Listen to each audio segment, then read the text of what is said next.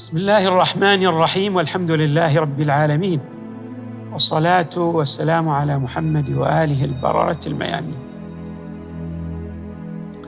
من الأمور الهامة التي ينبغي أن نؤكد عليها في إحياء مراسم الإمام الحسين عليه السلام أمر الاستعداد لنصرة الإمام المهدي عليه السلام. بمعنى أي يكون الحاضر للمآتم الحسينية يؤهل نفسه لنصرة إمامه المهدي عليه السلام. وهذا الأمر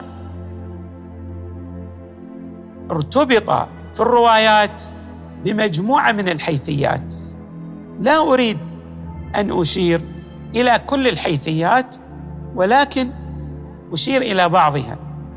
من أهم هذه الحيثيات أن مسألة خروج الإمام المهدي عليه السلام شبه بالقيامة.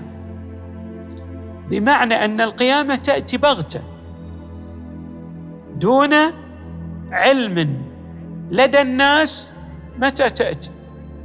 لا يعلم متى تكون الساعة إلا الله تبارك وتعالى. لماذا؟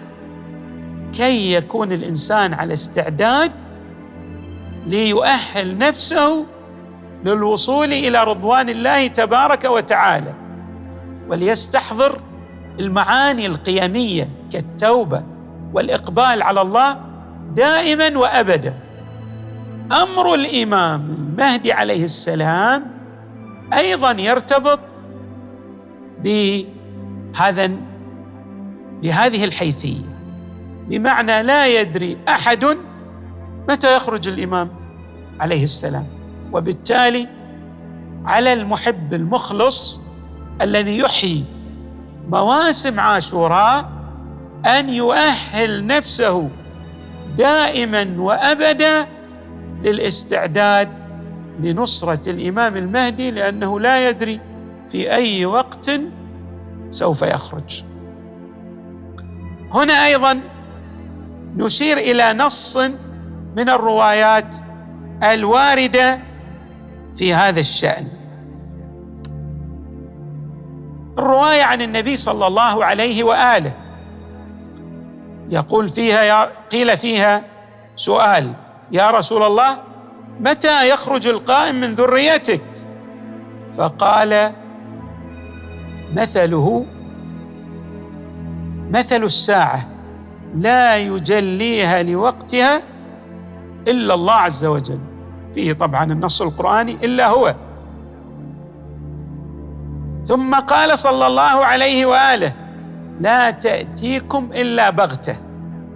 كما أن الساعة لا تأتي إلا بغتة كذلك أمر الإمام عليه السلام. من هنا على الموالي لأهل البيت أن يلتفت إلى مسألة خروج إمامه.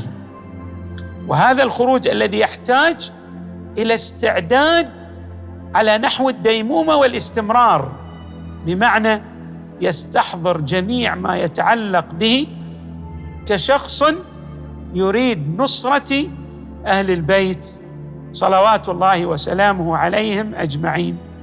بكل ما أعطاه الله تبارك وتعالى من مال من نفس من ولد جميع الأشياء يقدمها كما ورد في الزيارات بأبي أنتم وأمي وأهلي ومالي. إذا استحضر المؤمن هذا المعنى الدقيق وسار على هذا النهج يصبح من الذين يحيون أمر أهل البيت بالنحو العملي. ويسير في المسار الذي يريده إمامه المهدي صلوات الله وسلامه عليه. نسأل الله تعالى أن يجعلنا من المحيين لأمر البيت محيين لأمر أهل البيت السائرين على خطى إمامنا المهدي. والحمد لله رب العالمين. وصلى الله وسلم وزاد وبارك على سيدنا ونبينا محمد وآله الطاهرين.